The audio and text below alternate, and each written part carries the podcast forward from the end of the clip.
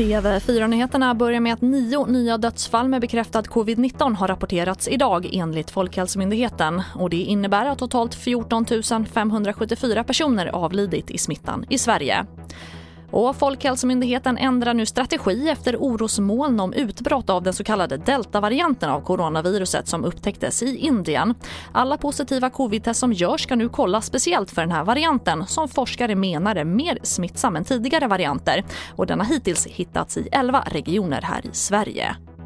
Och Pfizer kommer att leverera 400 000 doser färre än väntat till Norge i juli. Och norska Folkhälsoinstitutet säger att det är mycket olyckligt och att det troligtvis kommer att leda till förseningar på åtminstone en eller två veckor för Norges vaccinationsprogram.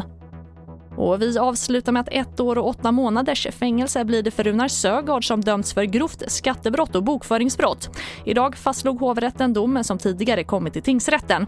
Sögaard får även näringsförbud i fem år och enligt Aftonbladet kommer domen överklagas till Högsta domstolen. Och det var TV4-nyheterna. Jag heter Charlotte Hemgren.